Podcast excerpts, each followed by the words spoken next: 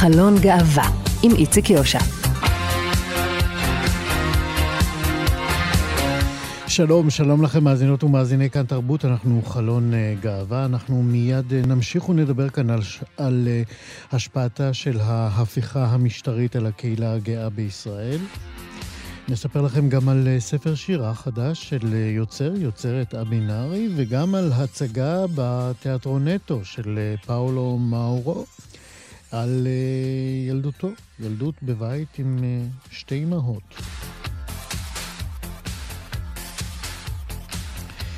בצוות היום טל ניסן, עורכת משנה ומפיקה, יובל יסוד הוא טכנאי השידור, אני איציק יושע, מתחילים. חלון גאווה הנראות של הקהילה הגאה בתנועת המחאה הגדולה נגד ההפיכה המשטרית בישראל כבר uh, הפכה לשם דבר. דגלי הגאווה מאתרים את uh, שלל דגלי ישראל שהפכו כבר uh, לסמל הגאוני, חייבים לומר, של המחאה הזאת. Uh, ובתוך כל אלה יש גם את רועי נוימן, שהוא ממובילי המאבק נגד חוקי הדיקטטורה והפ... והפיכתה של ישראל למדינה חשוכה ומאיימת על מיטב אזרחיה. רועי היה דוברם של מנהיגים בישראל, וממשיך להיות ממובילי המאבק של הקהילה ושל שאר מתנגדי הדיקטטורה שמאיימת עלינו. שלום רועי נוימן. בוקר טוב, איציק. תשמע, דיברתי על הנראות של הקהילה. בוא ננסה שוב, בעזרתך, להבין כמה ההפיכה המשטרית הזאת היא סכנה כפולה בעצם בשבילנו, גם כאזרחים במדינה הזאת וגם כלהט"בים. אז אני אגיד, אני חושב שהסיפור הוא מתחיל טיפה לפני שיריב לוין אה, הביא את התוכנית שלו להפיכה משטרית. זה התחיל בזה שאבי מעוז, שלא היו צריכים אותו לקואליציה, לא היה צריך אותו בשביל להגיע ל-61, הוא היה בעצם האבן הנוספת, ובכל זאת נתניהו החליט להכניס אותו לממשלה. אני חושב שזה היה צעד שממש ראינו אחריו עלייה מאוד מאוד גבוהה בגילויי להט"בופוביה. רואים את זה גם בדוחות של האגודה ושל מרכז ניר ממש רואים את העלייה הזאת, וזה היה בעצם איזשהו דלת ש, שפתחה להרבה אנשים שהתביישו להשמיע דעות להט"בופוביות, ופתאום הדבר הזה נכנס לתוך הציבוריות, ו, ואז הגיעה התוכנית של לוין, שפשוט חצתה את האנשים וכולם התחילו להגיד דברים שהם בחיים לא היו מעיזים להגיד אותם בפומבית, להתבטא בצורה הרבה הרבה יותר אה, חריפה. וזה גם מביא, אני חושב, את הארגונים ואת האנשים מהקהילה להצטרף למאבק, כי הבינו שזה, שבקצה, גם אם אין תוכנית ספציפית נורא עכשיו לפגוע בלהט"בים, נורא ברור לכולם לאן הכיוון הזה הולך, לאן ישראל צועדת, ואם הדברים האלה יעברו ויהיה לממשלה כוח בלתי מוגבל, זה הולך להסתובב על הקהילה הגאה ולהסתובב עלינו בענק ולפגוע בכל אחד ואחד מאיתנו. ולכן אני שואל אה, בהמשך של הדברים האלה, זאת אומרת, אז הבנו פחות או יותר אה, איפה נזרע זרע הפורענות אה, האחרון הזה. אני רוצה לשאול, כמה באמת אתה מופתע, הרי אתה היית גם בין מובילי המחאה הגדולה של הקיץ לפני חמש שנים, כן, חמש שנים זה היה. כמה באמת הנראות הזאת של אה, דגלי הגאווה, יש לה השפעה על אה, אופי המחאה? יש לה השפעה מאוד גדולה, קודם כל בזה שהיא מסרטטת שמדובר במחאה ליברלית של אנשים שרוצים אה, לשמור על הצביון הליברלי של מדינת ישראל. דגל הגאווה הוא, הוא קודם של הקהילה, אבל הוא גם מסמל בשביל הרבה אנשים מחוץ לקהילה מה זה ליברליות, זה דגל שמסמל חופש ושוויון, שזה הדברים שבבסיסם כל המחאה נאבקת נגדם, אה, או באדם, סליחה. אז הנוכחות היא מאוד מאוד חשובה, ואני חייב להגיד שהיא מאוד הפתיעה אותי אפילו בהתחלה בהצטרפות, אני הייתי בטוח שזה משהו שייבנה בהדרגתיות, וכבר בהפגנות הראשונות ראינו הרבה מאוד דגלי גאווה. דיברת על דגל ישראל שהוא מאוד דומיננטי, אותו באמת אנחנו מחלקים בהפגנות. אה, את דגלי הגאווה לא חילקנו בהפגנות, והם עדיין נורא נורא נורא דומיננטיים. מה שאומר שזה, אנשים חשוב להם לבוא עם האמירה הזאת מהבית ולא רק עם האמירה הכללית. והצד השלילי של העניין זה מה שראינו שלשום, שחבורות של הפמיליה הסתובבו ברחובות, והם דווקא בחרו להתביית על בית שהיה בו דגל גאווה. בשדרות יהודית בתל אביב, כן. נכון, אה, זרקו אבנים על הבית, אה, כי, כי יש פה מלחמה של צד אחד אה, נגד הליברליות ונגד הקהילה הגאה. אז הדגל הפך להיות סמל מאוד חשוב, מאוד דומיננטי. היו גם המון דוברים להט"בים על הבמות, חלקם מהארגונים, חלקם לא מהארגונים. יובל נוח הררי ניסח מאוד, בצורה מאוד מאוד מדויקת לאן פניה של ישראל עם ההפיכה תעבור. כן. אה, אנחנו מדברים על זה שההפיכה המשטרית הזאת, או הניסיון אה, להקים אותה, שהולך לצערי, והוא מצליח פחות או יותר, אה, בעצם גרמה למחנה שלום, אה, שלם, אה, למחנה הליברלי, לקבל, אתה יודע, ככה, אוויר וגוף, mm-hmm. לחדד את עצמו, להגדיר את עצמו, לקבוע את, את, את רוחב הגוף שלו ולהתעורר בעצם. כמה באמת מתוך זה ישפיע, מהניסיון שלך, אני לוקח אותך להתנבא קצת, אבל בכל זאת, כמה ההתארגנות הזאת גם תחדד בתוך הקהילה הגאה? הגאה את, ה, את העמדות ואת הנחישות אה, להמשיך ולהיאבק, כי אנחנו הולכים לאכול אותה. תראה, אני רוצה לחזור לתקופה של הבחירות. אה, בבחירות ראינו תופעה של הרבה מאוד אה, להט"בים שאמרו, אני מצביע בן גביר, או אני מצביע ליכוד, כי הם אמרו, המאבק של הקהילה דה פקטו הסתיים. יש לנו כמעט את כל הזכויות. כן, יש לנו את בן זוגו קטנים. של אה, יושב ראש הכנסת. אה, נכון. בהתבטאות האומללה הזאת, כן. שמה, ו- וזאת הייתה באמת התחושה ששום דבר לא יכול לקחת אותנו אחורה. ואני חושב שכולם עכשיו, מאוד ברור להם, יש דרך אחורה, היא דרך מאוד ארוכה, ויש הרבה מאוד אנשים בישראל שמאוד מאוד נחושים לקחת אותנו אחורה. אני אבל רוצה לחלוק על משהו שאמרת בהתחלה. בבקשה. ההפיכה הזאת לא תעבור. היא לא תעבור והיא תכשל. אני בהפחדות כאן, אתה יודע, זה המחלקה לא, שלי. לא, אבל, אבל אני רוצה להגיד למה, וגם למה חשוב שאנשים ימשיכו לצאת. ברור. הדבר שעצר את זה זמנית כרגע זה אך ורק ההפגנות, אני לא חושב שיש מישהו אחד שחולק על זה. ברגע שלא יהיו הפגנות ברחובות, הממשלה תלך ותעביר את זה. ויכול להיות שגם עם ההפגנות ברחובות, היא תלך ותעביר את זה. אבל אז זה הולך, כל החוקים האלה הולכים להגיע לבג"ץ, ובג"ץ יצטרך גב ציבורי מאוד מאוד מאוד גדול אה, אה, לפסול את החוקים האלה. אה, ואם אנחנו נהיה ברחובות, יש לנו קיר ברזל מאוד משמעותי, שפשוט יוריד את הדבר הזה מסדר היום. כשאתה אומר קיר ברזל, למה אתה... מת... כן, כשאתה אומר קיר ברזל אה, חזק מאוד, למה אתה מתכוון? קיר ברזל שאנחנו מתייחסים אליו, אנחנו מדברים על זה שבג"ץ יפסול, ואז מגיעה השאלה לראשי המערכות, שזה שב"כ, מוסד, משטרה אה, וצה"ל, ש... והיועמ"שית כמובן, אה, שיגידו, אנחנו מצייתים לחוק הישראלי, שזה אומר שמי שהפרשן שלו זה בג"ץ. אה, וברגע שכל המערכות האלה יגידו, אנחנו נשמעים בפסיקות בג"ץ, הם לא יוכלו לכנס את הוועדה לבחירת שופטים, הם לא יוכלו לעשות מה שהם רוצים בכנסת, כל אלה יעצרו ויודיעו שהמדינה, אנחנו מצייתים לבג"ץ. אתה לוקח את עצמך אה, לתסריטים האלה של מה קורה ביום שבו בג"ץ פוסל והשב"כ וכל המוסדות שהזכרת עכשיו אה, נעמדים לצידו של החוק? אה, זה תסריט בלהות שאנחנו מחליטים להצעיד אותנו לתוכו בעיניים פקוחות מידיעה מה שהולך לקרות. אין לי... הסבר אחר. יש פה גופים, לא גופים, אה, מפלגות מאוד קיצוניות שזה החלום שלהם לרסק את בג"ץ. לפרק את הלגיטימיות שלו, הם ייתקלו בקר ברזל, כמו שאמרתי. רועי נוימן, אה, אה, לסיום, איפה אתה רואה את עצמך ביום הנורא הזה, האפוקליפטי ש... ברחובות מפגין. ברחובות מפגין. רועי נוימן, ממובילי המאבק נגד חוקי הדיקטטורה, תודה רבה שדיברת איתנו. תודה רבה. להתראות. חלון גאווה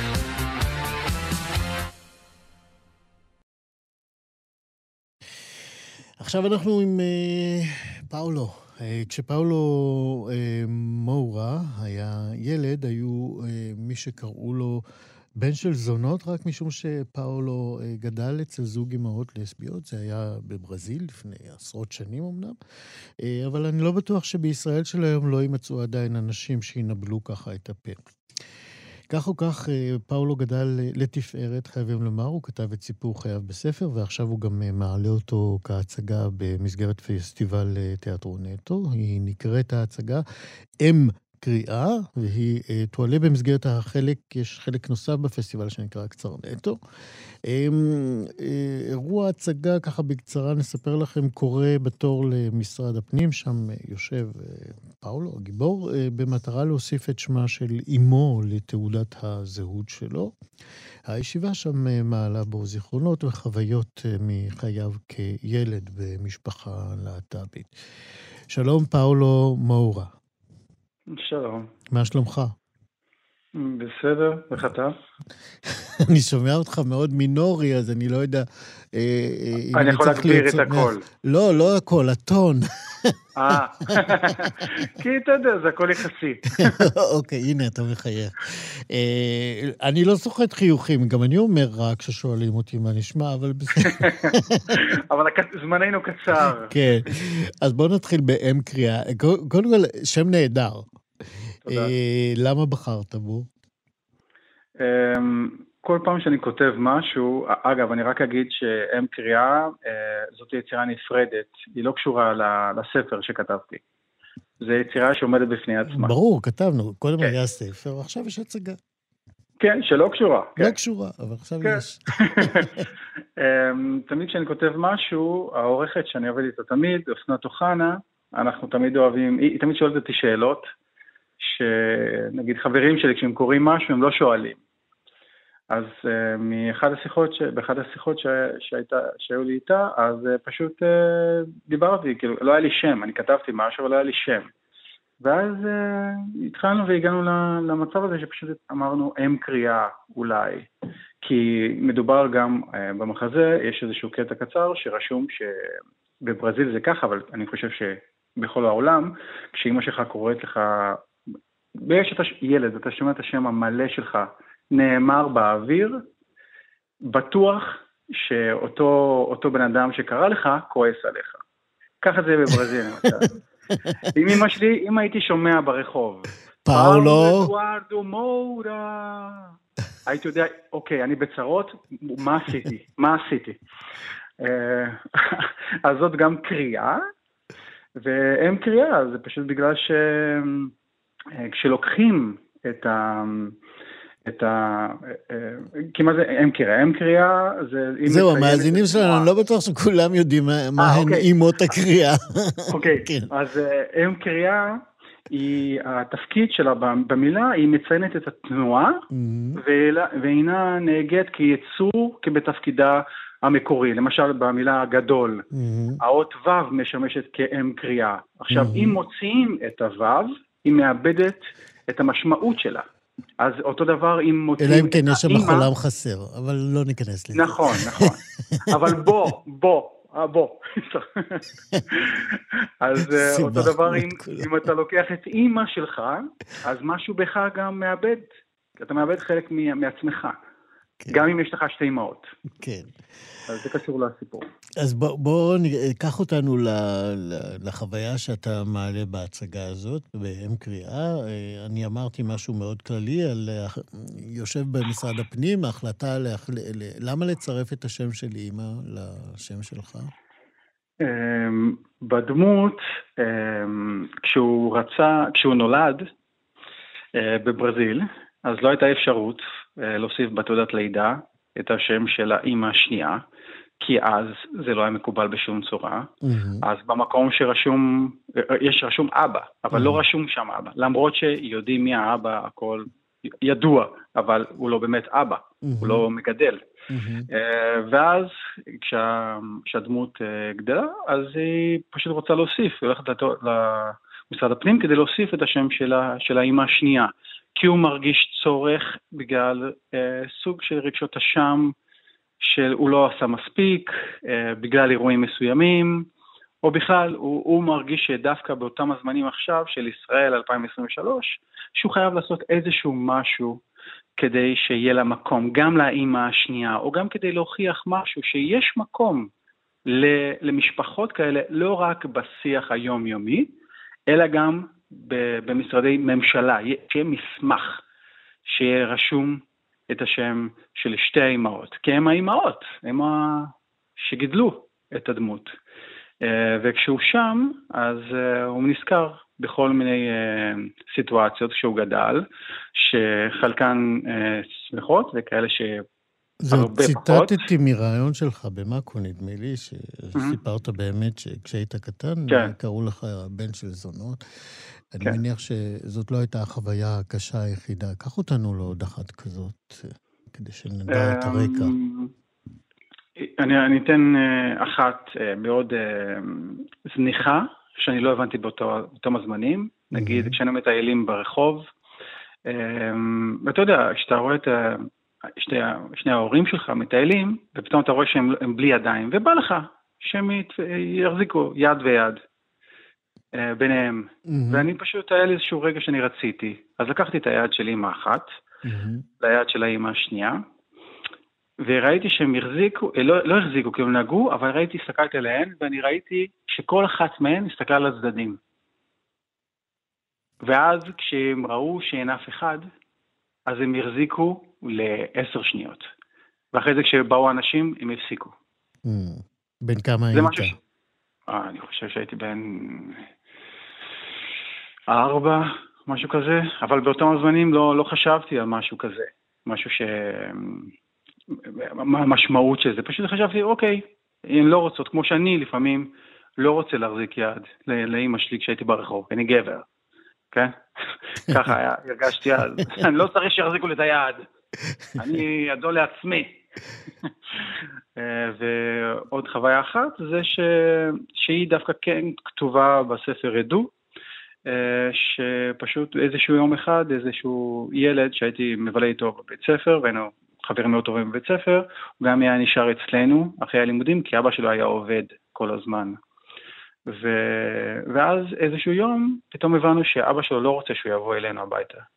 ואז מסתבר בסופו של דבר, אחרי שאחת אמא שלי התקשרה ודיברה איתו, שהוא פשוט לא רוצה שהבן שלו יהיה אצלנו בבית בשעות אחרי הבית ספר, הוא מעדיף שה... שהילד יהיה שש שעות לבד בבית, שיחכה שאבא שלו יחזור מהעבודה. העיקר, זה, זה לי... העיקר שהוא לא יהיה בבית של לסביות. נכון, עדיף שיהיה לבד, בבית, כן. כן. תגיד, אה, אה, כמה המשפחה שלך אה, ראתה את ההצגה? ההצגה הזאת, יש לי רק אימא אחת פה, mm-hmm.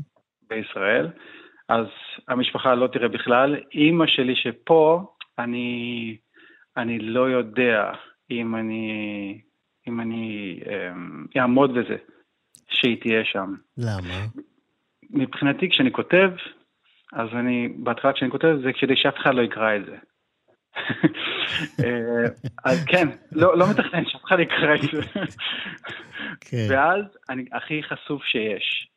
ואני נוגע שם במקומות אה, שאימא שלי גם לא מודעת אליהם במלוא ה... במלוא המובנים, וגם אימא שלי עכשיו היא מתמודדת עם משהו משלה גם, כי היא עכשיו אה, עברה כמה ניתוחים, אה, היה לה סרטן, השד, אז היא מתמודדת עם דברים כאלה, יש לה מספיק עם מה להתמודד, היא לא צריכה להיכנס לכל מיני, שהבן שלה מנסה לפרוק דברים, או להיחשף דרך uh, הצגה. אבל אני, אני מקווה שיום אחד ההצגה הזאת, שהיא 15 דקות, בסופו של דבר היא תהיה הצגה באורך מלא, ואז אולי אה, היא כן. זאת אומרת, אתה בעצם אה, מעדיף שהיא לא תתמודד אה, עכשיו עם מה שאתה מביא במסגרת ההצגה הזאת בתיאטרון נטו. כן, כי היא חוותה הרבה יותר ממה שאני חוויתי. הרבה יותר. זה, זה פשוט, זה, זה אפילו להסתכל... זה, זה עד כדי כך שנגיד, חברים שלי צוחקים עליי, mm-hmm. שכשאני רואה זוג הומואים או לסביות או מישהו מהקהילה הלהט"בית פשוט מחזיקים יד ברחוב, mm-hmm. אני, אני חייב לעצור שנייה, וזה באמת, אולי זה טיפשי, אבל זה מרגש אותי. זה פשוט מרגש אותי. עכשיו, שואלים אותי, אבל זה לא מרגש, לא מרגש אותך כשאתה רואה זוג הטרוסקסואלים ברחוב. אז אמרתי, אני יודע, זה יפה בעיניי, אבל זה לא כזה מרגש. כי אני יודע שהיו זמנים שאתה לא, לא יכולת לעשות את זה, שזה מטורף בעיניי. Mm-hmm. וזה זה, זה, זה כואב לי נורא, למרות שאני אני הטרוסקסואל, אבל עדיין, זה עדיין, זה כל כך כואב. אמ, אז, אז, אז לא משנה כמה כואב לי, אה, לאמהות שלי היו הרבה יותר, במיוחד אז, בשנות ה-80, שהיה משטר צבאי, mm-hmm. נוקשה בסן פאולו, שלפעמים אה, בישראל של זמננו זה, זה מזכיר לי כל מיני דברים. בישראל לא היה משטר צבאי, אבל היא הייתה לא כן, פחות הומופובית. כן, וקורים כל מיני דברים שנאמרים, שזה, אותם הדברים שנאמרים, נאמרו גם אז. כן. פאולו מורה, אה, מי שמעלה, יעלה את ההצגה אה, אם קריאה במסגרת התיאטרון נטו. אגב, מתי אה, תועלה ההצגה? מה התאריך שלה בפסטיבל? בשמיני לאפריל, ב-6 ו-8, בתשיעי ובעשירי. ואני רק אגיד שהבימאית היא ספיר יוסף והיא נהדרת. הנה אמרנו את זה, פאולו מורה, תודה רבה על השיחה הזאת. תודה רבה לך. להתראות. ביי ביי. חלון גאווה. יער לוויתן הוא אדם אה, לויתן. אה, נכון. למה אני אומר לוויתן? לויתן. כתוב לויתן. יש לומר לויתן. טוב, אנחנו כנראה נידונו אה, באייטם הזה להרבה אה, אה, צורות פנייה ושיח, אז אני אמשיך מכאן. יער לויטן הוא אדם א-בינארי, היא משתמשת בלשון פנייה מעורבת. אה, ולכן גם הפתיח שלי ככה יערב את שתי אפשרויות הפנייה הזאת. אה, יער בת 26, אה, עובד בחינוך בדרום, דרום הארץ, ועכשיו היא מפרסמת ספר שירה חדש, ששמו זה כשלעצמו. שלום יער לויטן. היי, שלום. מה נשמע? בסדר גמור, ברוך השם. ברוך השם, זה שרידים של העולם הדתי שממנו באת. אה, כן, ובאופן כללי, אה, אה, ברכת טובה לדעתי. יפה. אז אה, אה, אה, כמו שאמרתי בפתיח, אני ככה אצטרך את העזרה שלך בניהול השיחה הזאת, כי את יכולה להבין שלשון פנייה מעורבת יכולה להיות קשה למי שמדבר איתך, איתך, נכון. ובוודאי למאזינים שמצטרפים נגיד באקראי לשיחה הזאת עכשיו, וככה נכון. יכולים למצוא את עצמם מבולבלים. אז אולי תגידי את, תגיד אתה במילים שלך, שלך מה זה אדם א-בינארי? אמ, אז אה, כל אדם הבינארי הוא שונה. Mm-hmm. אני מגדיר את עצמי בתור אדם הבינארי אה, במובן הזה שאני לא גבר ואני לא אישה. אמ, אני א-בינארי, זה מגדר נפרד. יש כל מיני א-בינארים שהזדהו בכל מיני צורות שונות, בכל מיני לשונות פנייה שונות, ויפגינו נראות שונה. אני באופן אישי, בתור אדם א-בינארי, משתמש בלשון פנייה מעורבת.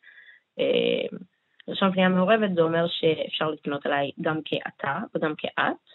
אה, אף לשון פנייה היא לא אה, זרה לך. טעות, בוא נגיד ככה. כן. ואפשר להשתמש בשתי לשונות הפנייה באותו המשפט, אפשר להשתמש קצת כמה משפטים לדבר עליי באת, אחר כך כמה משפטים לדבר עליי באתה. מבחינתי אין הבדל, אפשר לדבר עליי רק באת, אפשר לדבר עליי רק באתה. אה, זהו, רציתי לשאול באמת, האם יש אי נוחות כאשר נגיד מי שמדבר איתך אה, בוחר אה, בלשון פנייה אחת של זכר או נקבה? לא, מבחינתי לא, מכיוון שזאת לשון הפנייה שלי, גם אתה וגם את. זאת אומרת, זה לא חייב להיות מעורב באותה שיחה, שתי לשונות פנייה.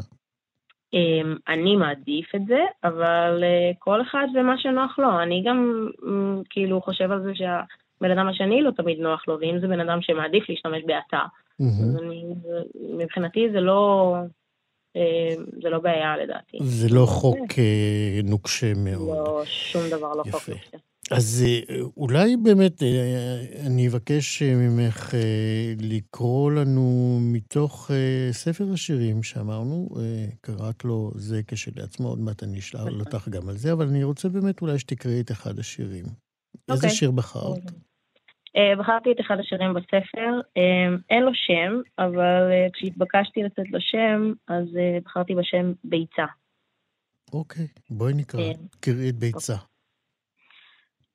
כשאני כועסת, אני אישה. כשאני גבר, אני עצוב. כשאני אוכלת, אני ילד. במקלחת, אני בן אנוש רטוב. לפעמים אני הולך לישון מוקדם, ובבוקר יש לי תחושת החמצה. הכתם הנורא ביותר שקיים הוא חלמון חצי מטוגן של ביצה. אין חלום בלי מאמץ, אין דיכאון בלי מבוכה. הידיעה התמידית שזה לא יהיה כך לנצח מתפוגגת בכל רגע שאני עדיין בוכה. למה, למה בחרת שיר הזה? Um, אני חושבת שזה אחד השירים בספר שהכי הכי הכי um, מדברים על החוויה של מה זה אומר כשהמגדר שלי הוא לא בינארי. Uh, מה זה אומר כשה... כש... Uh, uh, בעולם שבו המגדר של כולם והנראות של כולם וה, ואיך שכולם מדברים היא כל כך כל כך בינארית, איך זה מרגיש בשבילי להיות בן אדם שהמגדר שלו הוא לא לכאן ולא לכאן.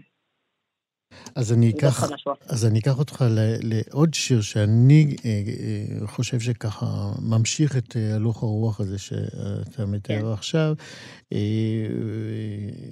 כי בכל הספר יש את הכמיהה הזאת לשייכות, לקבלה, לחופש. Mm-hmm. ואני אקרא, זה שיר קצר. אתה כותב ככה, איך זה מרגיש להיוולד? איך אחזת בי בזרועותייך, עובר שנחלץ במצח מיוזעת? איך ספרת אצבעות, איך בכית, הלוואי וזכרתי, את פנייך ברגע הזה, לפני שנפלה עליי אכזבתך. זה רגע מאוד קשה של התפכחות, כמו שאת מביאה כן, אותו. כן. קחי אותנו לרגע כזה ש... עלה בתוכך, בתוך היחסים שלך עם המשפחה, נגיד, עם ה... אולי אפשר לחשוב שאת מפנה את זה לאימא? אמ, כן, אני... אמ, זה, זה רגע קצת קשה. אמ, באמת באתי ממשפחה אה, דתית במקור. ההורים שלי אה, אוהבים אותי מאוד, אני גם מאוד אוהבת אותם. אין בינינו ניתוק בשום מובן. בשום מובן של המילה.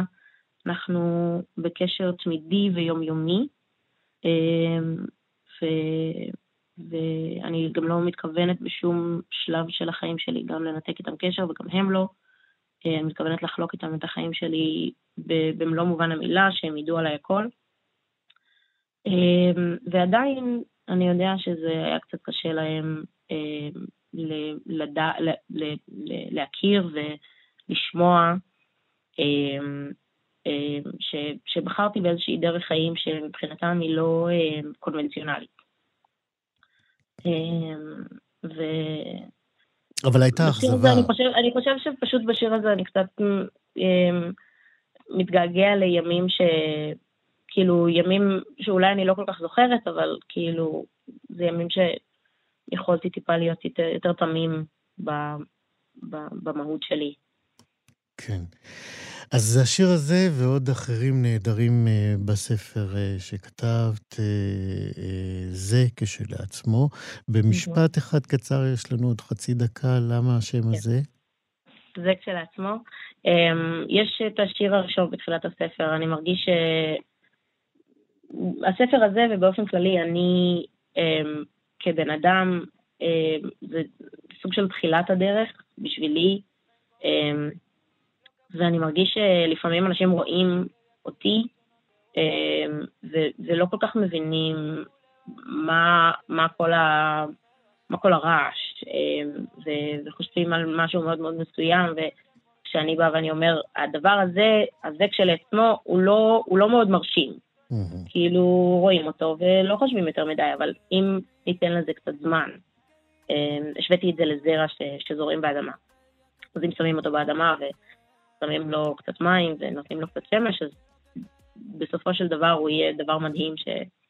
אה, שיהיה, ש... שיהיה לו הרבה מה להגיד בהמשך. יפה. יער לויטן, תודה שעזרת אה, לנו אה, לדעת עוד על א-בינאריות וא-בינארים. לכבוד הספר, הספר השירה החדש הזה, יפה שכתבת, זה כשלעצמו. תודה רבה על השיחה הזאת. תודה רבה, תודה לכם. להתראות. להתראות. Dime si sientes lo mismo que dijiste esa madrugada cuando pedías que te lo volviera a hacer. Des un break pa' que la noche sea larga con rolas del fake. Ey, vamos a romper la ley.